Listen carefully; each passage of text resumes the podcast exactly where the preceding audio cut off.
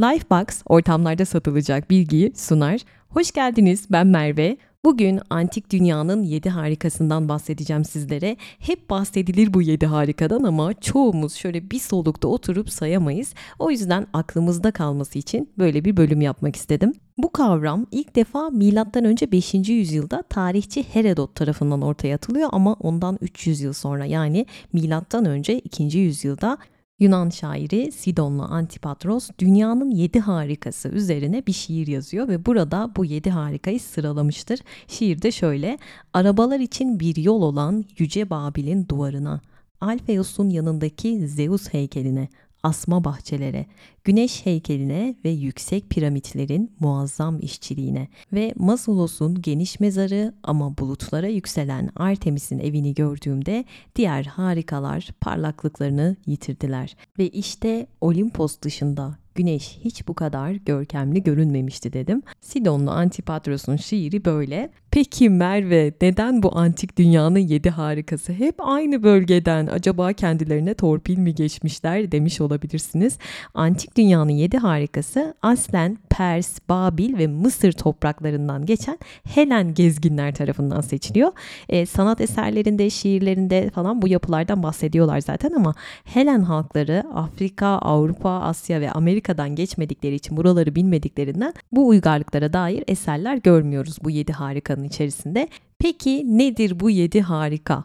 Keops piramidi Mısır, Babil'in asma bahçeleri, Olimpos'taki Zeus heykeli, Efes'teki Artemis tapınağı, Halikarnas mozolesi Bodrum, Rodos heykeli ve İskenderiye feneri.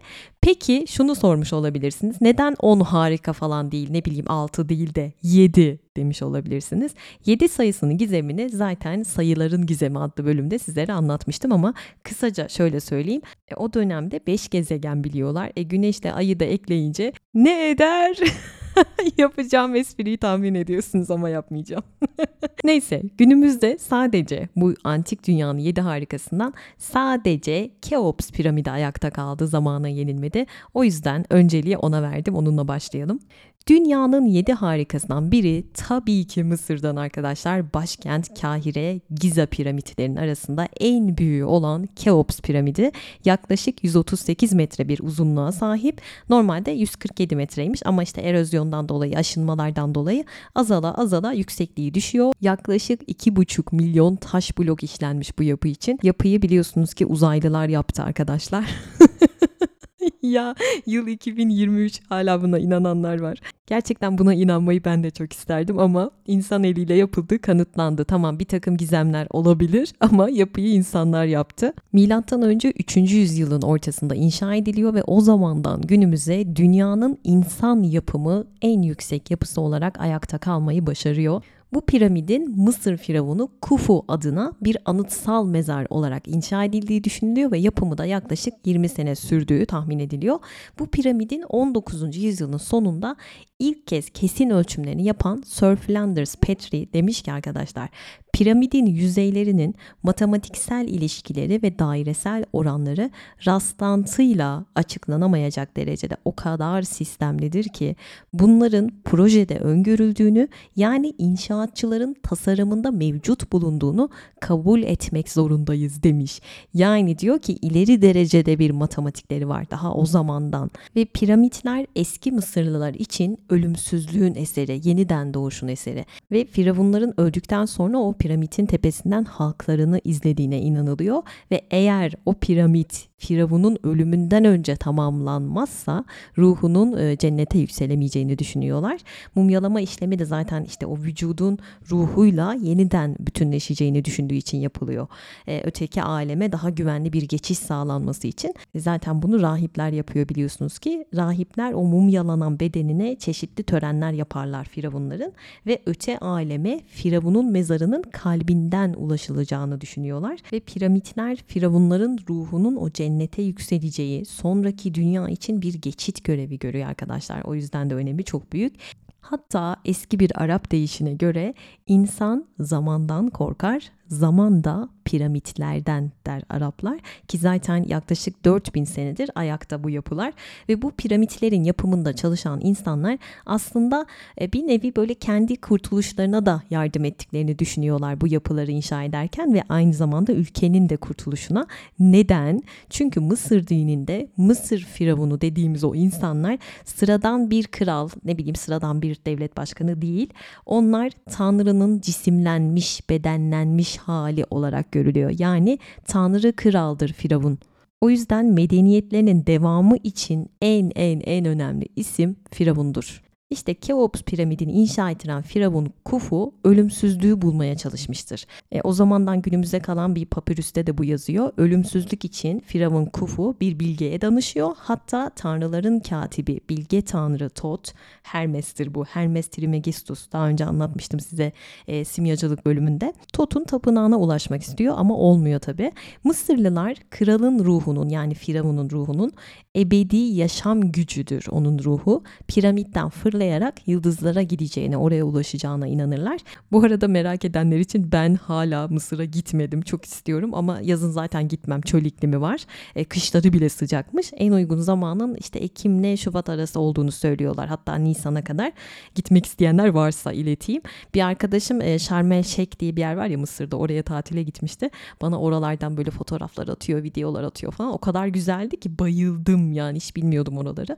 E ben oraya gitsem zaten işte piramitlerimi çekeyim, Kahire Müzesi'ne gideyim, aman Sphinx'lere koşayım. Durmam yani sürekli bir şeyleri çekerim.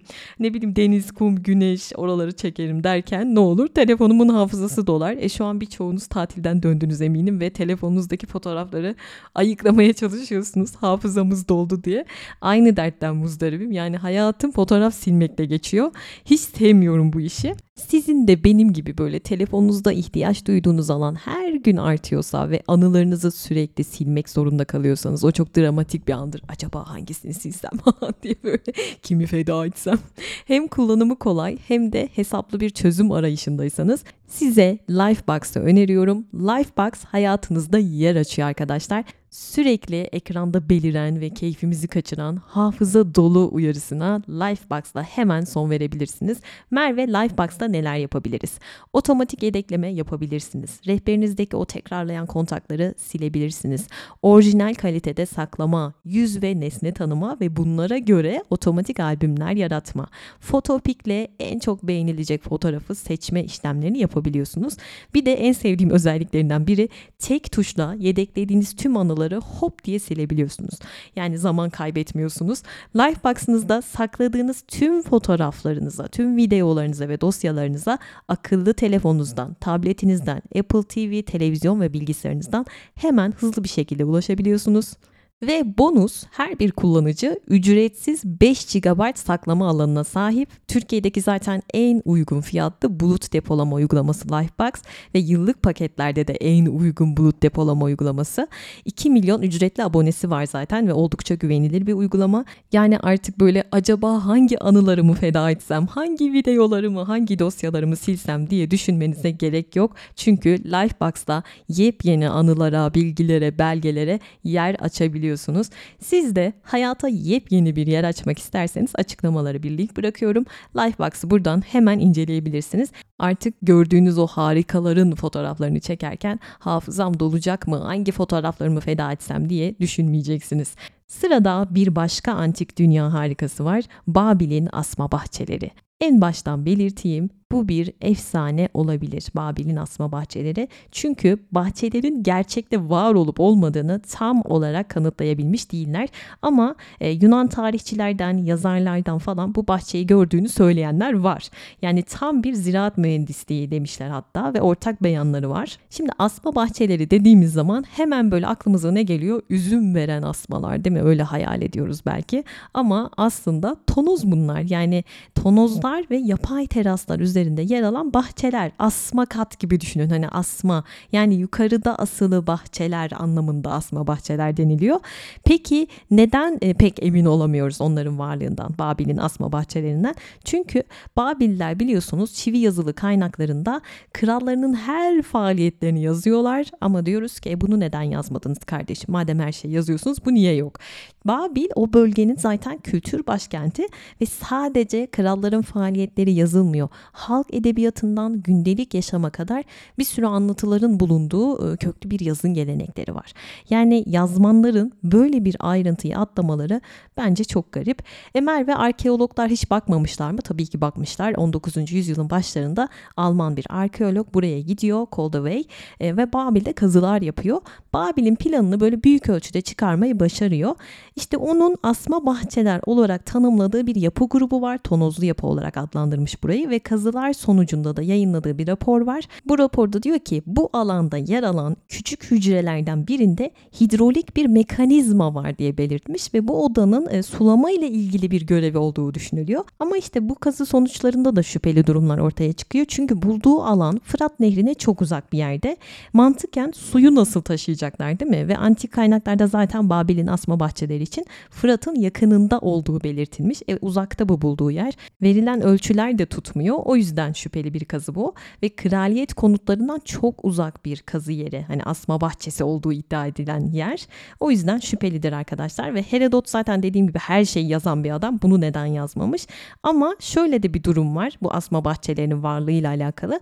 Ortak görüş beyan edenler var. Pek çok kişi aynı şeyi söylemiş ki bunlardan birisi de 5. yüzyılda Babil'de yaşamış bir rahip, Babilli bir rahip kitabında bahsetmiş asma bahçelerinden. E, bu kitap günümüzde kalmamış ama ondan alıntı yapanlar sayesinde aşağı yukarı biliyoruz ve orada diyor ki bu asma bahçeleri Nebukadnezzar yaptırdı. Hatta yaptırma sebebi de karısının memleket hasretini giderebilmek içindi demiş. Dağlık yere gelin gelen karısının yeşil hasreti. Bu şey gibi Rize'den Mardin'e gelin gidenler ancak onlar anlar. Nebukadnezzar'ın karısı Nebukadnezar.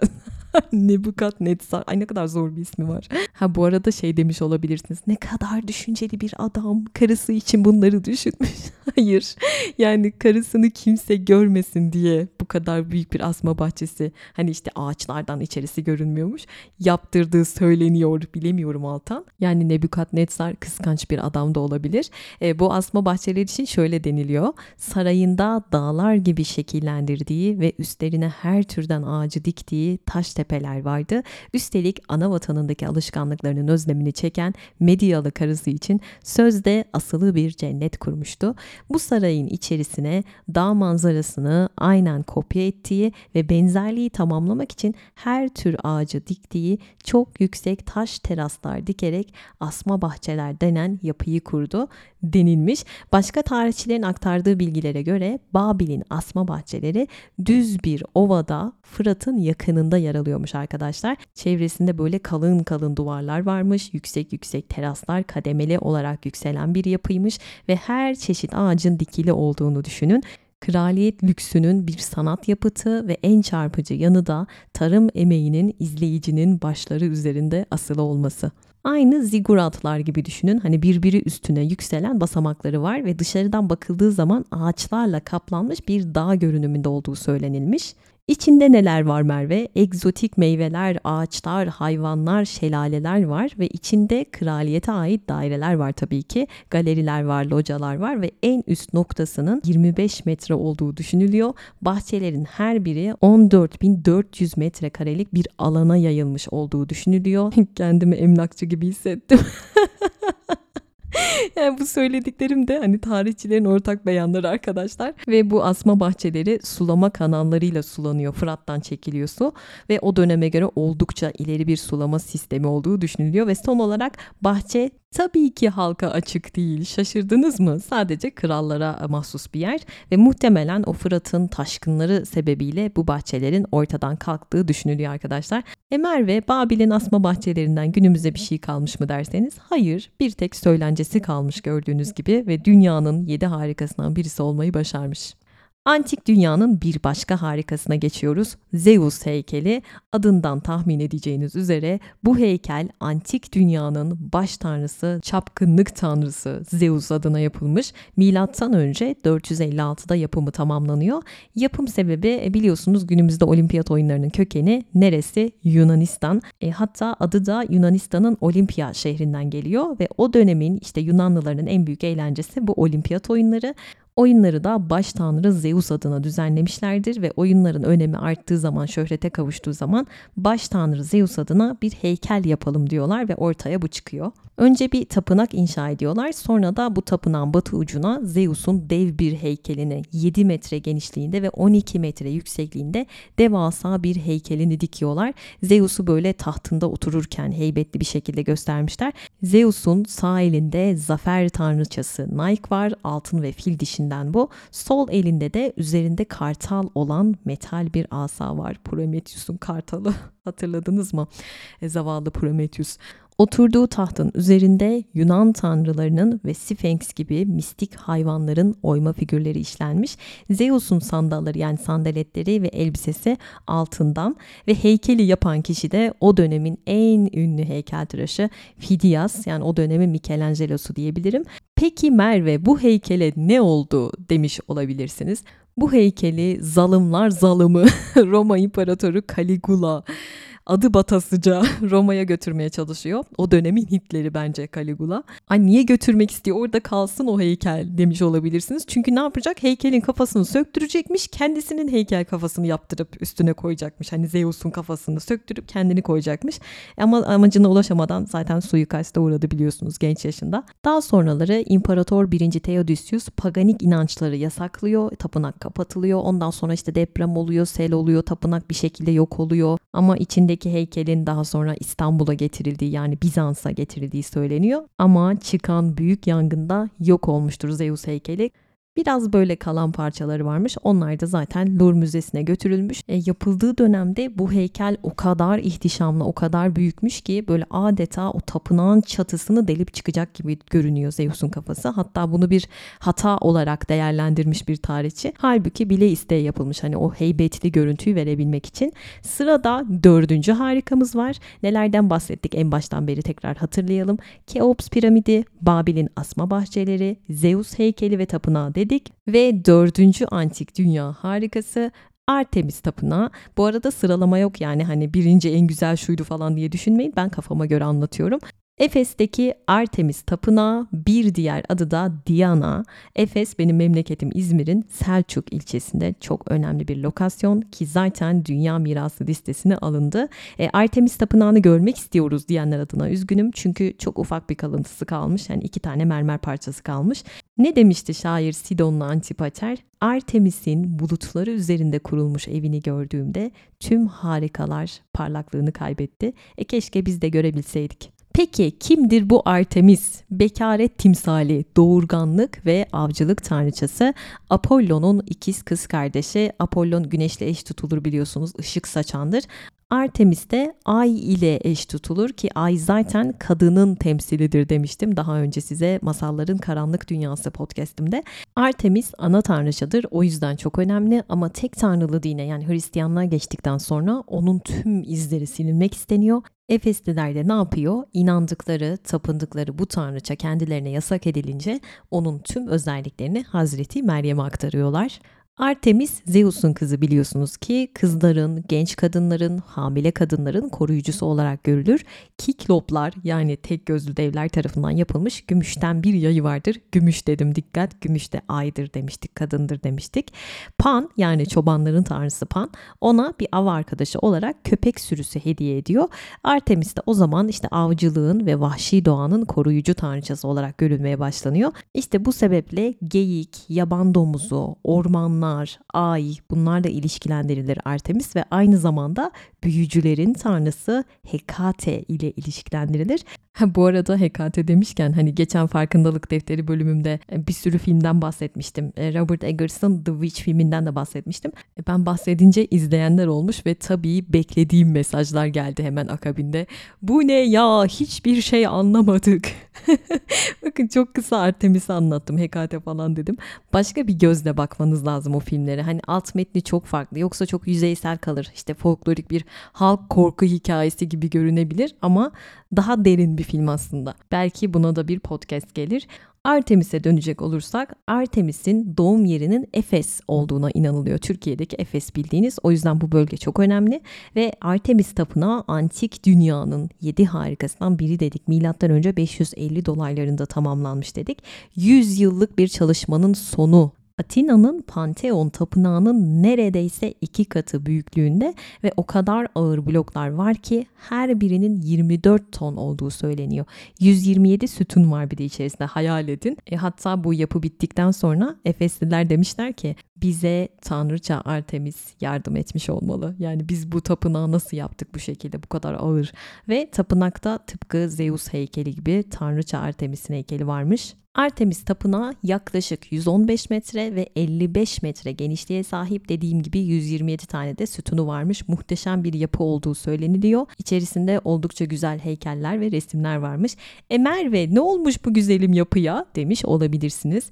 Dünyanın ilk teröristi olarak bilinen Yunanlı Herostratus tarafından bu tapınak yakılmıştır 21 Temmuz 356 senesinde.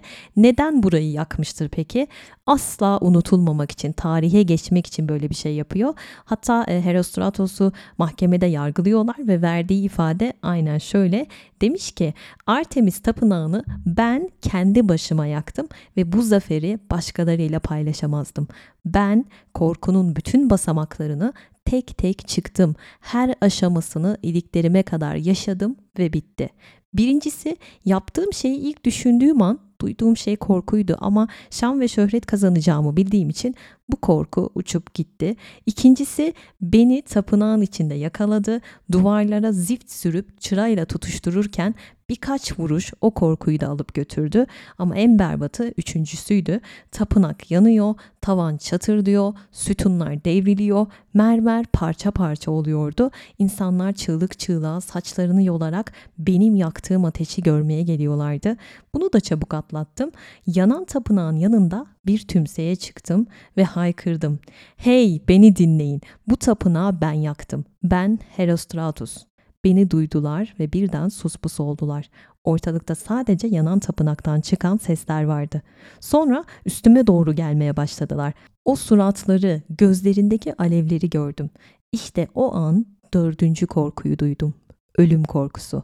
Ama en cılızı da buydu. Çünkü ben ölüme inanmam. Ben Herostratus'um. Artemis tapınağını ben yaktım. Adım çağlar boyunca hatırlanacak. Ama sen, sen başyargıç Kleon, seni kim hatırlayacak? Ve beklenen an mahkeme onu idam cezasına çarptırıyor. Bir daha adı anılmasın diye adı tüm resmi kayıtlardan siliniyor. Ama bu pek de işe yaramıyor. Bugün bile herostratik şöhret diye bir deyim var arkadaşlar. Hani derler ya reklamın iyisi kötüsü olmaz. Bazıları böyle söyler. Aynen o hesap bence herostratik şöhret. Yani şöhret uğruna her şeyi yapmak, her türlü yıkıcı, zarar verici eylemi yapmak buna herostratik şöhret diyoruz. Sonradan Sonradan hatta işte gerçek suçlar üzerine makaleler yazan biri var Albert Borovitz diye. O da şöhret uğruna her şeyi yapacak olan insanları tanımlamak için Herastratos sendromunu kullanmış. Herastratos sendromu bence bu çağın en yaygın hastalıklarından diye düşünüyorum. Sırada bir başka harika var. Halikarnas mozolesi. Mozele sözcüğü de vali yani satrap Mozulos'tan geliyor arkadaşlar. Mozele büyük görkemli gömüt mezar demek. Hani Anıtkabir gibi düşünün. Milattan önce 353 ile 350 yılları arasında Pers İmparatorluğu'nda vali olan Mosulos'un hem eşi hem de kız kardeşi olan Artemisia tarafından Halikarnas'ta yani bugünkü Bodrum'da yaptırılmıştır bu mozole. Mısır piramitlerini andırıyor. Böyle piramit şekilli bir çatısı varmış. Kolonları da zaten Yunan mimarisi. 45 metre yüksekliğe ve 30 metre genişliğe sahipmiş ve bu mozolenin tepesinde zaferi simgeleyen 4 atlı bir savaş arabası ve arabanın üzerinde de Kral Mosulos ve eşinin heykelleri yer alıyormuş.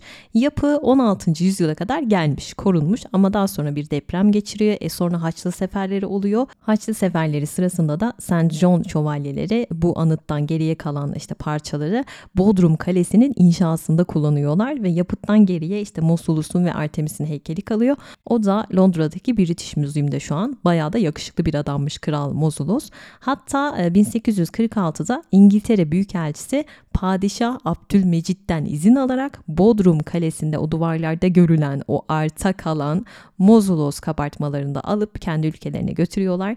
Biz de işte ne yapıyoruz? Alçı kopyalarını yaptırmışız. Onları kullanıyoruz. İşte bizim ülkemizden böyle neler neler götürüldü vakti zamanında. E, bu mozolenin en güzel yanı da ihtişamlı heykelleriymiş. İnsan, at, aslan, hayvan heykelleri varmış. Bunlarla süslüymüş. Tepesinde de dört atın çektiği dev bir savaş arabası heykeli varmış. O nerede derseniz o da tabii ki Londra'da. Bize kalan bir şey yok. Ee, üzülüyorum gerçekten tarihimize sahip çıkamıyoruz. E, Bodrum demişken de tarihin babası Herodot'un Bodrum'da doğduğu söylenir biliyorsunuz. Ve Halikarnas adı 15. yüzyılda Saint John şövalyeleri tarafından Aziz Petrus'a adanan kale sebebiyle Petrium olarak değişiyor. Zamanla Petrium Petrum, Potrum derken Bodrum oluyor. Bodrum deyince benim aklıma tabii ki kim geliyor? Cevat Şakir Kaba Ağaçlı geliyor. Yani namı diğer Halikarnas balıkçısı. Bakmayın balıkçı dediklerine çok ünlü bir paşanın oğludur. Hayatı da acılarla geçmiştir. Aganta Burina Burinata diye bir kitabı vardı. Yıllar önce okumuştum. Orada şöyle bir sözü vardı. İyi insanlar kırıldıkları zaman sevmeyi bırakmazlar, göstermeyi bırakırlar. Halikarnas balıkçımızı da andığımıza göre sırada İskenderiye feneri var. O da her fener gibi denizcilerin limanlarına güvenle dönmesini sağlamak için yapılmıştır. Kendi döneminin en uzun yapısı olarak biliniyor ve fenerin yüksekliğinin 146 metre olduğu düşünülüyor. Yani günümüzdeki 40 katlı binalara denk düşünün ne kadar uzun olduğunu ve ilk yapıldığı dönemde fenerin tepesinde denizlerin tanrısı Poseidon'un heykeli de varmış. Tepesinde ateş yanan bir fener ve en tepede de gizemli bir aynası varmış. E, bu deniz feneri Ptolemoslar tarafından milattan önce 3. yüzyılın başlarında yaptırılıyor. Ptolemoslardan Kleopatra bölümünde bahsettiğimi hatırlıyorum. Mısır'ın İskenderiye kentinde Faros adasında inşa ettirilmiş bu fener. Hatta e, Roma sikkelerinde de bir dönem var fenerin resmi ve bu öyle bir fenermiş ki denizde 100 kilometre uzaktan bile görülebiliyormuş düşünün artık. Hatta 12. yüzyılda İslam coğrafyasını dolaşan Tudelalı Benjamin İskenderiye ile ilgili demiş ki Büyük İskender İskenderiye limanında denize doğru bir rıhtım bir de kral yolu inşa etmişti. Yine bu rıhtımda büyük bir fener kulesi dikmiştir ki buna Menarül İskenderiye denmektedir. Kulenin tepesinde cam bir ayna bulunmakta ve bu ayna sayesinde Helen veya Batı memleketlerinden şehre deniz yoluyla gemilerle yapılacak bir baskın veya saldırı 20 günlük bir yolculuk mesafesinden bile görülebilirmiş ve şehir halkı da bu saldırılara karşı hemen savunma tertibatı düzenlermiş. Büyük İskender'in ölümünden uzun bir süre sonra Helen memleketlerinden Theodoras adındaki zeki bir kaptan gemisiyle İskenderiye'ye gelmiş. Helenler o sırada Mısır'ın boyunduruğu altındaymış. Kaptan Mısır kralına hediye olarak pek çok altın, gümüş ve ipek elbiseler takdim etmiş. Zamanın adeti üzerine Fener Kulesi'nin önüne de demir atmış. Zamanla bu kaptan Fener Kulesi'nin görevlisi ve bu görevlinin mahiyetinde çalışanlarla düşüp kalkmaya başlamış. Kulenin bekçisiyle kurmuş olduğu dostluk sayesinde de kuleye daha sık girip çıkmaya başlamış. İlerleyen zamanlarda bir gün kaptan mükellef bir ziyafet vererek ikram ettiği şarapla bekçi ve kule görevlilerin hepsini sarhoş etmiş Görevliler şarabın etkisiyle sızıp kalınca adamlarıyla beraber kuleye girmiş, aynayı parçalamış ve o gece şehirden kaçmışlar. Artık Hristiyanlar o zamandan itibaren gemilerle buralara baskın düzenlemeye başlamışlar. Girit ve Helenlerin sömürüsü altındaki Kıbrıs gibi büyük adaları da almışlar demiş. E, bu fenerin aynası gündüzleri güneş ışığını yansıtarak yol gösteriyor. Hatta öyle bir yansıtıyormuş ki gemileri yakıyormuş bazen. Geceleri de tepesinde yanan o dev meşaleyle gemicilere yol gösteriyormuş. Sonra Araplar Mısır'ı ele geçirince e, sonra başkent Kahire'ye taşınınca bu fener ihmal edilmeye başlanıyor ve yapılan ayna tekrar dev bir ayna yapılıyor. Tekrar kırılıyor. Yerine de yenisi konmuyor oluyor. Depremde zarar görüyor derken Memlük Sultanı bu yıkılmış fenerden e, kale yapımında istifade edince antik dünyanın bu harikası kayboluyor. Bir de İskenderiye fenerinin bulunduğu Faros adası demiştim. Faros Fransızca'da, İtalyanca'da ve İspanyolca'da fener yerine kullanılıyor arkadaşlar. Bir de bu fenerin yıkılmadan önceki resimleri dünyadaki deniz fenerlerine yüzlerce yıldan beri örnek olmuştur. Ve sırada son antik dünya harikamız var. Rodos heykeli. Rodos Adası biliyorsunuz ki Ege'deki 12 adadan en büyüğü ve sahip olduğu stratejik konumuyla yıllar boyunca bu bölgedeki egemenlik mücadelesinin hep bir parçası oldu. Hem ticari hem askeri bir üs olarak kullanıldı. E, antik çağda Rodos Adası'ndaki Rodos şehrinin limanının hemen girişinde Rodos heykeli yer alıyormuş ve antik dünyanın yedi harikasından biri olarak kabul görmüş. Ve bu heykel Yunan güneş tanrısı Helios'un heykeli arkadaşlar. Milattan önce 3. yüzyılda Rodoslular tarafından yapılıyor ve yaklaşık 32 metre boyunda, e, tabanı da 15 metre. Bronz ve demirden yapılan bir heykel. O dönemin en yüksek, en heybetli heykeli yapımının 12 yıl sürdüğü düşünülüyor. Bu heykelde işte Helios dedik güneş tanrısı heykeli başından ışınlar çıkıyor. Çıplak bir erkek olarak betimlenmiş. Sağ elinde bir lamba ya da meşale tutuyormuş. Fakat bu heykel sadece ve sadece 56 yıl ayakta kalabilmiş maalesef. Milattan önce 226'da şiddetli bir deprem sırasında en zayıf yeri olan dizlerinden kırılmış ve devrilmiş ve devrik bir şekilde 880 yıl kalmayı başarmış. E, hatta tarihçi Pilini der ki bu devrik heykelin baş parmağı bir insan boyunda düşünebiliyor musunuz büyüklüğünü? Yani nasıl kaldırsınlar o ağırlığı? 880 yıl çok normal. Sonra da bakmışlar kaldıramıyorlar. E, bir tüccara satmışlar altınından, bronzundan faydalansın diye. Ve bu heykel için Rodos'un girişinde böyle limanda ayakları açık bir şekilde durduğu söylenir. Hatta bu şekilde tasvirleri vardır. E, bacaklarının arasından böyle gemilerin geçtiği söylenir. Ama tabii ki bu bir söylence. Böyle bir şey o zamanlar mümkün değil yapmak. Hatta Game of Thrones'un sıkı takipçileri hatırlayacaktır. Bravos'ta böyle bir heykel vardı. Ayakları açık, denizin ortasında yükselen dev bir heykel. Muhtemelen siz de izlerken aynı şeyi düşündünüz. Hani Rodos heykelinden mi esinlenmişler acaba diye. Bence öyle. E, tarihi kaynaklara göre Rodos'un ilk sahipleri Dorlar. Bunlar da Argos'tan gelen denizci bir kavim ve güneş ilahı olan Helios'a tapıyorlar. Helios da mitolojide güneş ve ışığı temsil eden Helen tanrısı ve inanışa göre göre Helios dört atın çektiği arabasıyla gökyüzünde hep dolaşır ve insanları gözetler. Genç ve böyle gür saçlı, başında parlak bir tacı vardır. Rodos'un koruyucusu olduğuna inanılıyor Helios'un. Hatta Dorlar Makedonya kralı Demetrios'u yenince zafer anıtı olarak Rodos'un girişine bu harika heykeli yaptırmışlardır. E, hatta her yıl Heliasa adlı törenler düzenliyorlarmış ve bu heykelin dibinden dört atlı bir arabayı denize atıyorlarmış. Şimdi ise bu heykelin yerinde iki tane böyle karşılıklı yerleştirilmiş geyik heykeli var. Zenginlik ve güç sembolü. İşte antik dünyanın yedi harikası tek tek bunlardı. Lifebox'ın sunduğu ortamlarda satılacak bilginin sonuna geldik. Siz de hayata yepyeni bir yer açmak isterseniz açıklamalara bırakmış olduğum linkten Lifebox'ı hemen inceleyebilirsiniz. Dünyanın 7 harikası kadar güzel bir hayat diliyorum sizlere. Beni Instagram'da takip etmek isteyenler için de adresimi açıklamalara bırakıyor olacağım. Merve biz de buradayız ve seni dinliyoruz demek isteyenler bana bu adresten ulaşabilir. Kendinize iyi bakın, hoşçakalın, bay bay.